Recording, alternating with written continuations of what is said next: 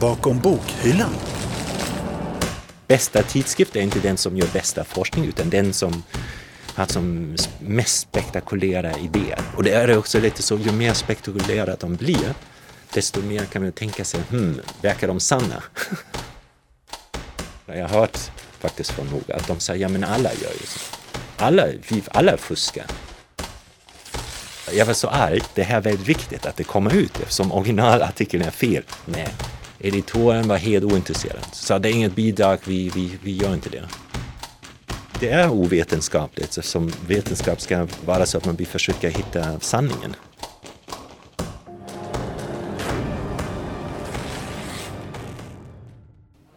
Hallå? Ja. Hjärtligt välkomna, very welcome to the first in our series, our renewed series on open science. Vi är på biblioteket och alldeles strax ska en lunchföreläsning börja. Och den som ska föreläsa är Stefan Wiens, professor i psykologi vid Stockholms universitet. Han menar att forskning som inte är öppen inte är vetenskap. Och han kommer att prata om den replikeringskris som bland annat psykologiforskningen står mitt i. Som botemedel förespråkar han förregistrering eller preregistrering. Alltså att man som forskare på förhand registrerar hypoteser och analysmetoder innan man börjar samla in data. Det här menar Wiens förbättrar både kvaliteten och insynen i forskningen. Och det här är faktiskt så spännande att jag efter föreläsningen inte kan låta bli att boka en intervju till Bakom bokhyllan med Stefan Wiens. Så varsågod alla härliga poddlyssnare. Avsnitt 17. Eller det svåra preregistreringsavsnittet.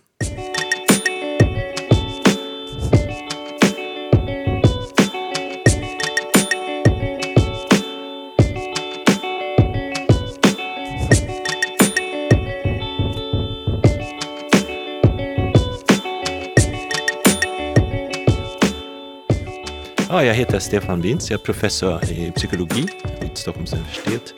Och eh, jag kommer ursprungligen från Tyskland och sen eh, pluggade jag där ett tag men sen tänkte jag att jag vill bli forskare. Så jag sökte mig till USA, stannade där sex år, disputerade där och sen blev jag utkastad ur USA.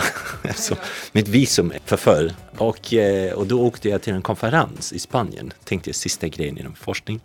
Men då eh, träffade jag någon, eh, Arne Öhman här från Karolinska institutet. Eh, han sa, vill du inte komma till Stockholm? Och sen tänkte jag, vadå Stockholm? Eh, Venice of the North hette det och jag tänkte det måste vara marknadsskämt. Men jag tänkte någon månad kan jag testa det och sen kom jag hit och det var för 20 år sedan. Och sen började jag jobba mest med egentligen elektroencefalografi. Så använder jag mig av metod, eh, så elektrisk hjärnaktivitet, mäta det och försöka förstå medvetande och uppmärksamhet. Vi ses i Gösta Ekmans laboratorium, en byggnad där en del av psykologiska institutionen huserar idag. Stefan Wiens är, liksom många andra som forskar inom olika fält inom psykologi, oroad över svårigheten med att replikera, alltså göra om, psykologiska studier eftersom en fundamental del inom vetenskap är att just kunna replikera forskning. Ja, jag har inte forskat direkt om det utan jag har läst vad andra har forskat om det och sen egna erfarenheter. Och jag har eh, många gånger försökt att, att jag tänkte att det här låter jätteintressant, läsa en artikel. Och sen tänkte jag att sån forskning skulle jag också gärna vilja göra. Och sen tänkte jag, ja, men då läser jag vad de har gjort och försöker göra samma sak igen. Med lite ändring. Så att det blir lite mer intressant. Och jag lyckades inte med det. Och sen, det väcker många eh, omgångar att jag försökte och lyckades inte. Även i, när det var i jättevälkända tidskrifter, en artikel i Science till exempel. Att jag tänkte det måste väl funka. Eller hur? Det låter så övertygande att det måste väl funka. Men jag lyckades inte så jag trodde att kanske ska jag sluta med forskning eftersom jag, ingenting fungerar här. Men sen läste jag att det var många andra forskare verkar ha samma upplevelse. Ja? Så att då, i psykologi började man undra så, vad då, här har vi de här typiska sätt att jobba och då kan vi komma fram till så helt galna slutsatser. Och då börjar man eh, eh, kolla egentligen mycket inom psykologi kanske eh, som låter så jättehäftigt. Så socialpsykologi till exempel har också många, haft många problem. Man ser att, så att om man läser så ord om eh, grå Florida och har associationer till så pensionärer att man då går lang, långsammare efteråt när man lämnar Mm. experimentet. Det låter lite häftigt, eller hur? Lite wow! Sådana små eh, eh, saker kan verkligen påverka en jättemycket. Eh, men sen när andra forskare försökte replikera då fick de inte de effekterna.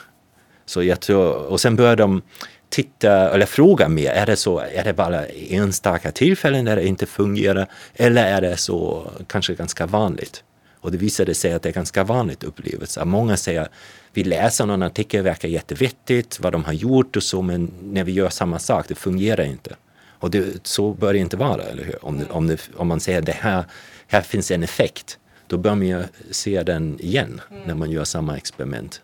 Och en var jag så, som jag tycker var för mig också någonting som väckarklocka, det är power posing. So again, two minutes and you get these changes. Here's what you get on cortisol. High power people experience about a 25% decrease. Power posing, som Stefan Wiens refererar till, är en studie gjord av bland andra Amy Cuddy vid Harvard.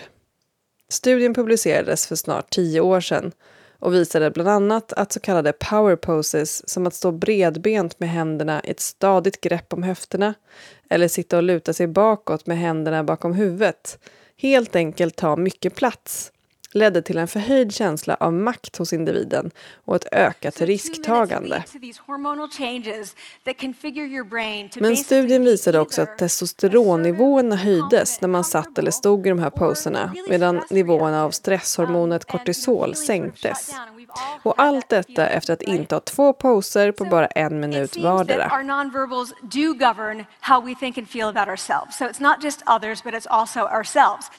Also our bodies change our minds.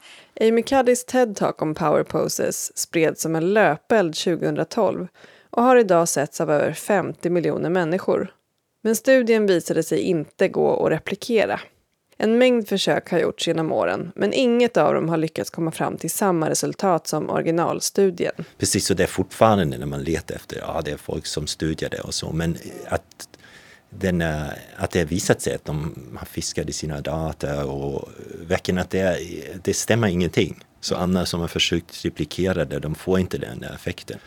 Och Ja, det, att jag tycker då är oprofes, oprofessionellt att bara köra med det, utan man måste, man måste känna oavsett vilken, vad man håller på med, att försöka göra så bra som möjligt. Mm. Och, och ha sån etiskt ansvar men är det ovetenskapligt? Så du säger att det är oprofessionellt, men är det också ovetenskapligt? Ja, det är, det är ovetenskapligt eftersom vetenskap ska vara så att man vill försöka hitta sanningen.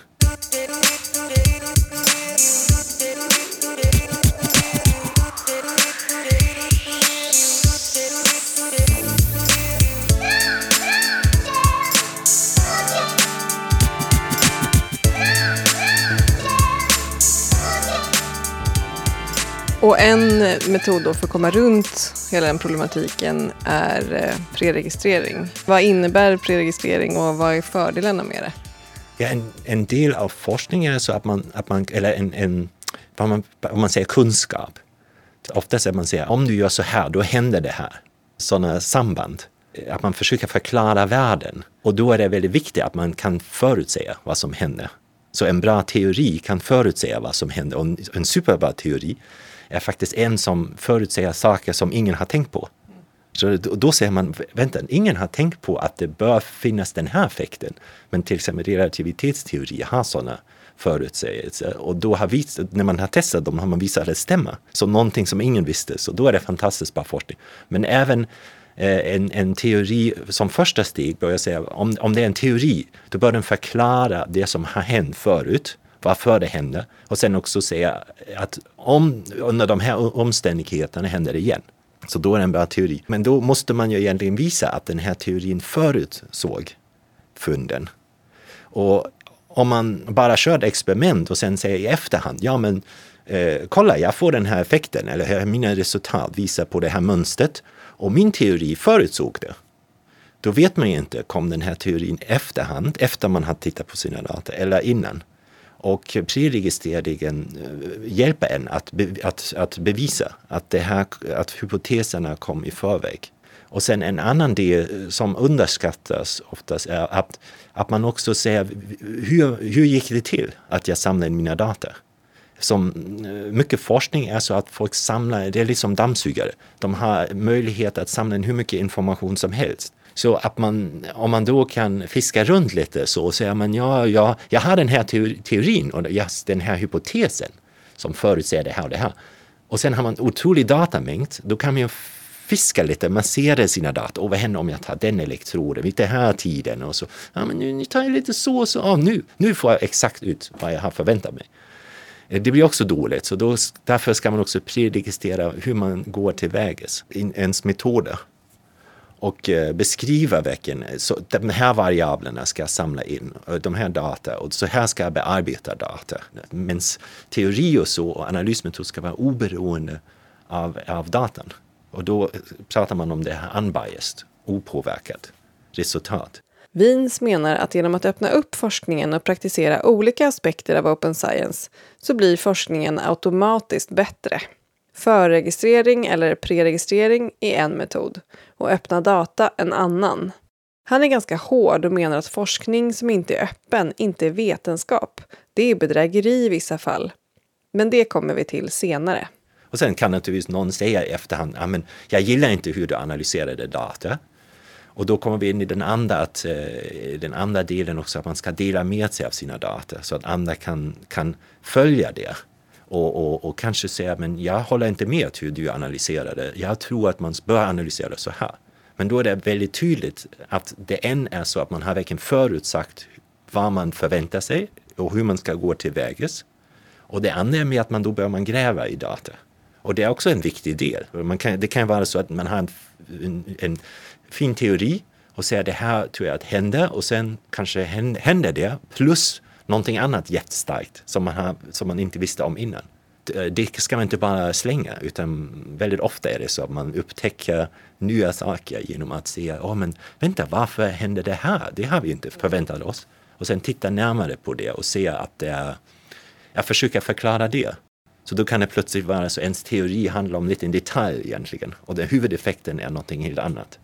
Så man ska titta på båda. Det ena kallas då confirmatory, confirmatory research där man predicerar vad som händer och det andra exploratory research. Båda är superviktiga. Men man måste kunna skilja mellan dem och det är det som preregistreringen tillåter. Bakom bokhyllan. Allt utom boktips. Jag hade en upplevelse Jag eh, eh, undervisade här om det här med preregistrering och replication crisis och den, eh, en student sa men vad är nytt med det här? Och jag blev lite upprörd och tänkte, va, va, vadå, men det är jätteviktigt och så. Och men han sa så, ja men vadå, det vet väl alla. Och sen eh, först var jag sur, men sen tänkte jag, men det här är helt fantastiskt. Här är det någon som tar det för givet. Att det är viktigt med preregistrering och, och så de som blir forskare i framtiden, de, för dem är det så normalt. Det, allt annat är, är, är galet. Om man är student, hur ska man liksom då tänka kring allt det här? Tycker du att man bör liksom preregistrera även studentuppsatser, alltså på, på lite lägre nivå? Eller? För studentuppsatser tycker jag det vore jättebra att öva, att träna det. Eh, många måste göra lite empirisk eh, studie. Att man inte bara gör någonting, samlar in lite data, utan det finns så internationella projekt. Att de säger vi har någon, eh, man kan föreslå en en, en frågeställning och sen säger man, ah, här kan man logga in, så säger jag att jag vill också bidra och samla in data om det här. Så då blir det så data från hela världen om en frågeställning.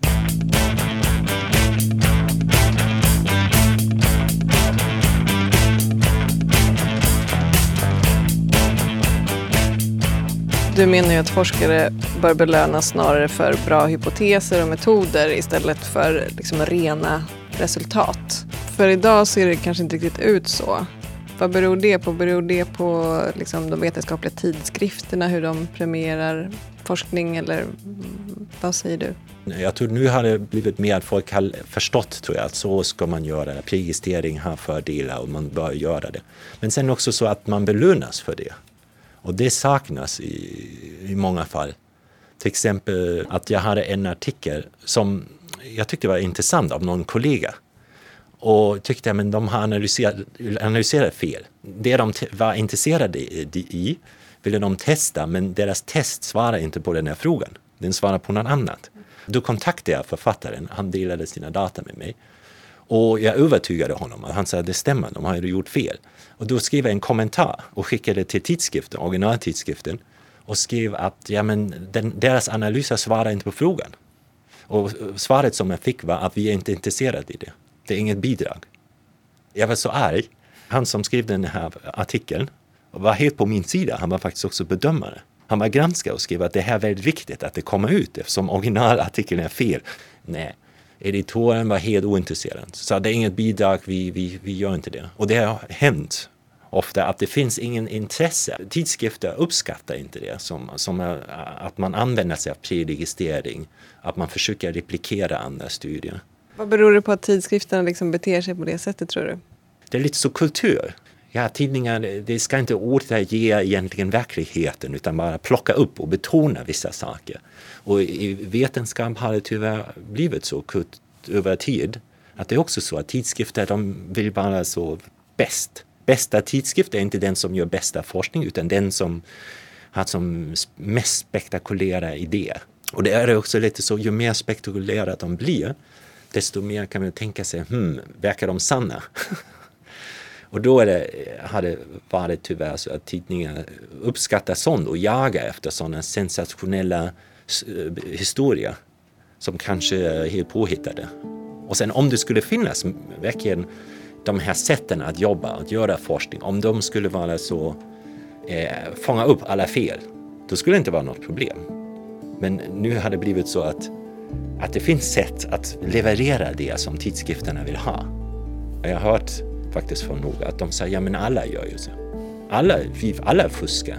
Men att man då har professionell integritet och sen också att man verkligen belönas för det, det, det uppskattas ju.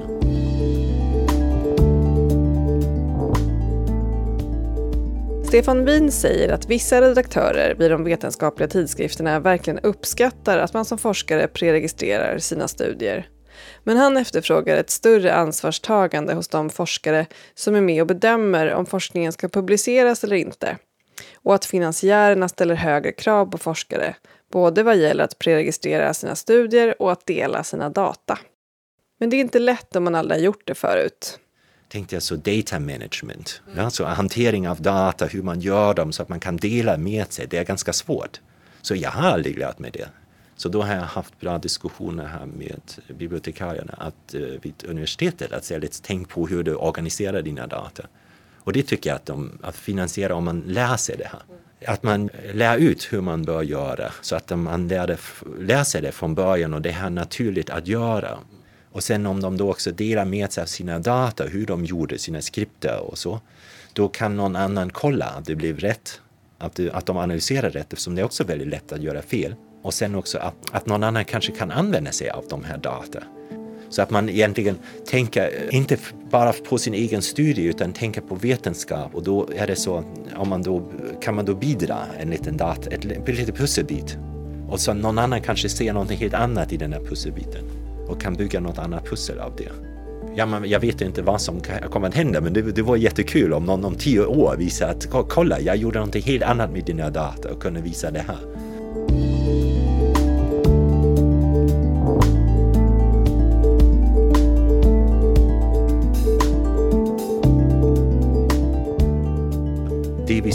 Många, många ställen finns fortfarande här eh, pressen så jag har hört från i några länder är det så att eh, man får mm, mer betalt om man publicerar mer ja, forskningsartiklar och då är man inte intresserad av att dela med sig av sina data och så.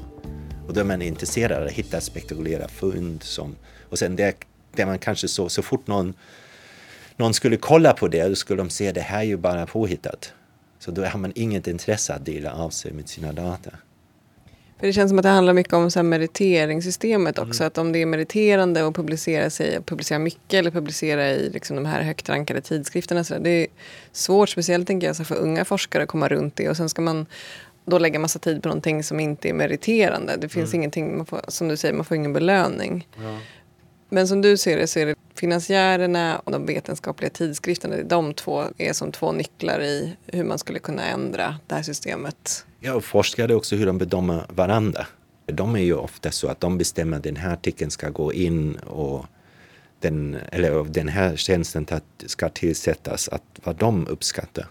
Och jag tror också så, det låter som mycket jobb, eller preregistrera open data. Det är ju jobb, men det är också så att ja, men man sparar också massa tid. En metod det måste man skriva oavsett. Då är det egentligen så att man eh, istället för att i efterhand sa så här kokade allting, så, så eh, man har en recept, så här ska jag göra. Så då är det bara man har jobbet först, inte efter man har sina data. Så det är faktiskt fantastiskt.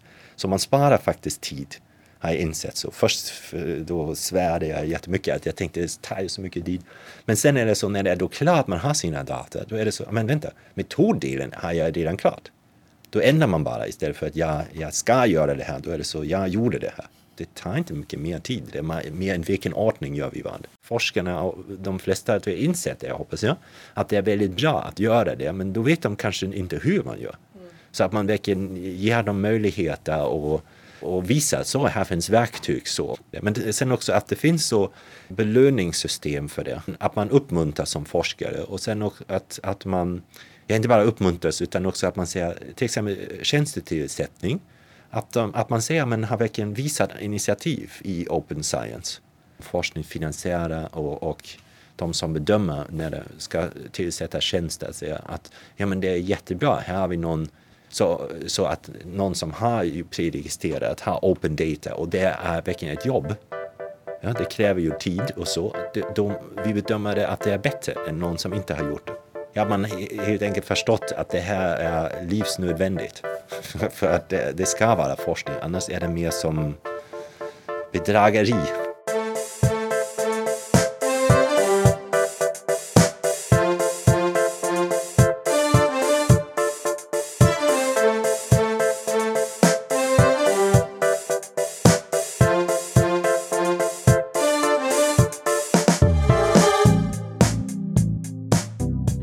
Det var allt vi hann med om preregistrering i poddformat. Men om du vill höra mer om replikeringskrisen inom psykologiforskningen och preregistrering så finns hela lunchföreläsningen med Stefan Wins som avsnittet inleddes med på bibliotekets webbplats su.se biblioteket. Och när det här avsnittet släpps är det bara en dag kvar till nästa lunchföreläsning i biblioteket på temat Open Science. Onsdag den 22 maj kommer Erik Lindahl professor i biofysik, att föreläsa om både möjligheter och utmaningar som öppen vetenskap ger. Och hinner du inte komma till biblioteket så kommer även den föreläsningen att finnas tillgänglig i digitalt format på bibliotekets webbplats. Vi som gör universitetsbibliotekets podd bakom bokhyllan är Karl Edqvist, Urban Göransson och så jag, Julia Milder. Och det här var terminens sista avsnitt. Men i september är vi tillbaka med nya aktuella ämnen i poddformat. Och vi tar inte sommarlov än, så hör gärna av dig med feedback och förslag på vad du vill höra i podden framöver. All kontaktinformation, låtlistor och tidigare avsnitt hittar du på vår hemsida su.se bakom bokhyllan. Vi hörs!